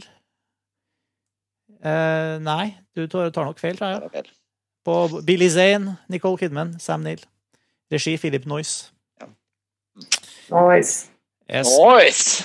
Eh, det var helt, god, helt grei, men jeg, og ikke nok til å komme opp på noen av topp fem-listene våre, tydeligvis.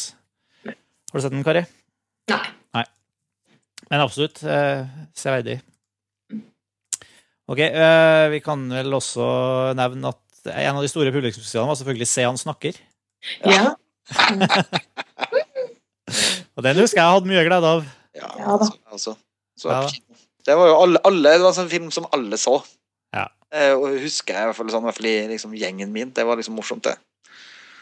En film som færre så, som også var ganske god, var The Fabulous Baker Boys. Mhm. Den husker jeg faren min snakka om. Mm. Det var mye, mye musikk og mye, mye med Michelle Pfeiffer. Mm. Yes. Vi begynner å tynnes ut her, tror jeg. Kanskje vi skal runde av her, rett og slett? Vi skal runde av. Eh, Vi skal nå, etter Det har vært veldig mange episoder. Hvilken episode er vi på nå? Vi er på nummer 69, tror jeg. Og vi har ikke vært innom konkurransen Nei, vi er på nummer 70 nå, faktisk. Vi har ikke vært innom eh, konkurransen vår siden Filmfrelst 62. Og det grunn av at det har vært masse festivaler Ja, det- og ting ja, hvor vi har hatt mye sånne stuntepisoder av folk som har vært på festival og tatt opp samtaler og sånn, så vi har ikke liksom vært innom eh, store studio, som vi kaller det når vi har Skype-rombord. Bortsett fra da vi snakka om eh, X-Men, og da glemte vi konkurransen. Så, men altså, i eh, for, Og for dem som ikke har hørt på oss på over ti episoder, så, så har vi en konkurranse i Filmfrelst hvor vi spiller klipp fra filmer, og så er det opp til dere som hører på, å gjette hvilken film klippet er fra. Og i eh, Filmfrelst nummer 62 så spilte vi følgende eh, klipp.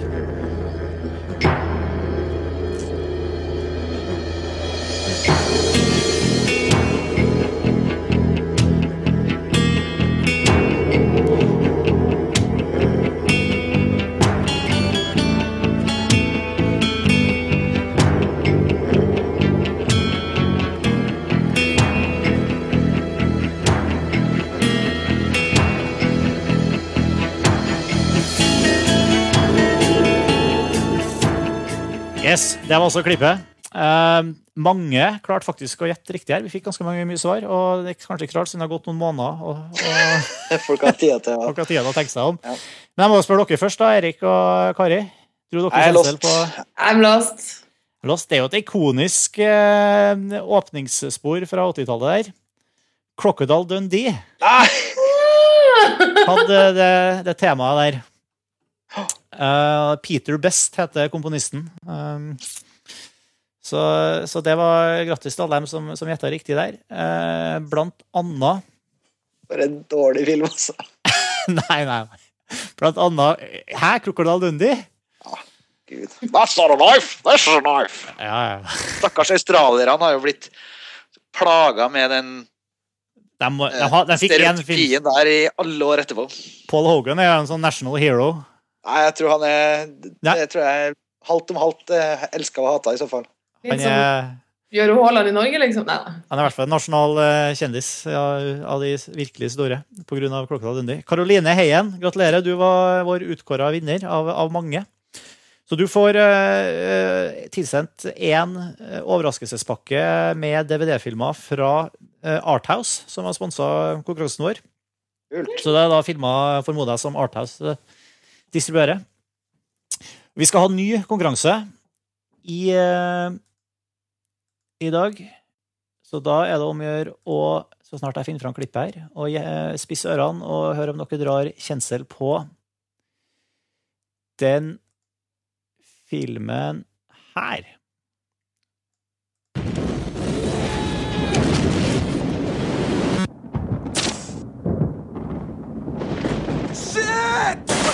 Where the fuck am I going? Why is this shit gonna happen to me? Fuck. Think, think, think. Alright, alright. Alright, I gotta get back to the ship. I gotta get back to the ship, alright? Alright, I gotta blow my air tank. I'll blow my air tank. Alright, fuck. Oh, this better work. This shit better work. Alright, alright, here I go. Alright, one, two, three. Come on, come on, come on! Yes! Yes! Here I come, motherfucker! Ok. Ha. Der, hvis vi fortsatt eh, Jeg vet ikke om vi må legge på en explicit tag for å bli tilgjengelig på iTunes denne gangen her, men eh, det var altså klippet. Hvis dere dro kjensel på, eh, på hvilken film det klippet jeg var fra, så send Jeg har i hvert fall en teori den gangen her sjøl også. Du har det, ja? Da får vi få høre neste gang. Nå skal, skal jeg slutte å avbryte. Du skal få lov til å fortsette. Fortsett. Det er altså eh, Takk. Um, hvor var jeg? Jo. Du sender altså en mail til filmfrelst at montasj.no. Skriv eh, konkurranse filmfrelst 70 i emnefeltet, og så må vi ha tittelen på filmen. Og så må vi ha postadressen din, så vi vet hvor vi skal sende eh, Jeg tror nemlig vi har nok en DVD-pakke fra Arthouse på lur. Så den kan bli din hvis du, hvis du sender oss svaret på konkurransen og, og gjetter riktig, og blir en av dem som blir trukket ut. Og vi trekker bare ut én hver gang. Men vi har også en liten ekstra bonus eh, premie, kan du kalle det, episoden her. Eh, Kari, du har vært og uh, skaffa noen billetter, fordi du har hjulpet Cinemateket med å eh, velge ut programmet sitt Ja. nå i sommer. Billetter her. Fin lyd, sånn. Det er lyden av billettene. Oi, Eh, det hørtes ut som mange billetter. Ja. Jeg har har vel 20 i den bunken jeg holder akkurat nå. Så jo, jeg har vært med og plukka ut film til sommerprogrammet. Eh, Også en film fra 80-tallet, ikke fra 89. Eh, som mitt eh, fantastiske valg var 'Brazil' av Terry Gilliam. Jeg plukka den først og fremst ut fordi jeg har veldig lyst til å se den på kino sjøl. Igjen. Og jeg anbefaler den til alle veldig sterkt. Og fordi jeg har plukka ut filmen, så har jeg også fått en masse gratis billetter. Og det jeg tenkte å gjøre, var rett og slett å invitere alle som har lyst til å komme. eh, til å møte opp på Filmens hus på Bens kafé litt før filmen begynner, kanskje en times tid. Den begynner klokka 20.30 den 20. juli. Onsdag 20. juli. Eh, Så det er bare å komme fra sånn ca. syv halv åtte på Filmens hus og prøve, prøve å finne meg. Eh, mm, ja. Eh, kanskje, skal, kanskje sende på en Kanskje du skal legge Hvordan skal vi gjøre det her i praksis? Skal du, Eh, skal du stå med et skilt som det heter står Kari på? Eller altså, folk- gratis billetter? Ja. Ja, gratis billetter. Jo, men hvis folk går inn på montasje, Mm. og så skriver de inn montasj.no Kari, så kommer vel min profil opp, og da ser man hvordan jeg ser ut. Ja. Bare det er kort hår på bildet og langt hår nå, det, jeg ser jo fortsatt ut som meg sjøl. Og så setter vi tidspunkt, altså 20. juli eh, mellom eh, halv, sånn halv åtte-tida. På Cinemateket skal vi også legge til en liten notis om det i eh, teksten som hører med eh, episodeartikkelen her. Nydelig. Ja. Adhoc-montasje, skråstrek filmfrelst, eh, Gilliam-foreningens Cinemateket. Mm. Jeg synes det er litt fint, for jeg satt og tenkte på det her med at jeg ikke syns at jeg vinner noen ting. Eh, så plutselig kom jeg på det at jeg får liksom Det hadde akkurat vært henta ut liksom masse gratis billetter. Og, og det blir sånn uh, Man trenger kanskje ikke å drive og svare på spørsmål for å vinne her i livet. Så alle som vil, får vinne en billett. Velkommen. You're all winners her på, på Filmfrelst. Mm. Kjempebra. Cool. Nei, men Det har vært en bra episode, folkens. Uh, The Abyss Rules har vi etablert. Absolutt. 1989s beste film, og det har vært mye annet gøy òg. Mm. Vi Filmfrelst er tilbake om et par uker. Jeg håper vi skal få til en episode rundt eh, den herre sommerfilmen som vi fikk så utrolig seint i Norge. Eh, Super 8. Mm. Ja, herregud!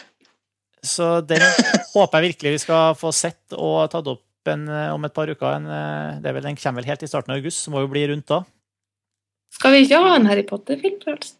Jeg har sett Harry Potter i dag. Har du Andre. Uh -huh. Da må vi kanskje også ha en her Jeg vet jeg, Ja, vi får se. Og så får vi se. Jeg, skal på filmfestival i Polen, i Wroclaw. En filmfestival som heter New Horizons. Og kanskje, kanskje dukka det opp noen ord derfra. Det hadde jo vært kjempehyggelig. Når er det? Det, jeg skal være der fra 22. til 26. juli. Nettopp. Jeg tror faktisk Terry Gilliam er gjest der i år. Jeg det, han er det, så jeg håper jo at jeg klarer å huke tak i han og lage filmfrelst frelst med han. Vi får se. Ja, Du må, gjør det! press, må presse den inn mellom uh, din date med Crispin Glover og Terry Gilliam og Crispin Glover. Ja, Jeg prøver å å ha det med på filmfrelst. Ja. ja Filmfrelst, Kari, Terry og Crispin Mm. i slutten av juli. Nice Det er bare en samtale jeg har veldig lyst til å høre. Ja. Kjempebra. Eh, Da ser vi fram til det. Eh, Og takk for laget, Erik og Kari. Takk sjøl. Og bruk kommentarfeltet flittig og gi oss dine 1989-favorittfilmer og eh, kjefte ut våre, våre valg på montasj.no slash filmfest. Vi snakkes. Hei. Vi høres. Høres. Ah.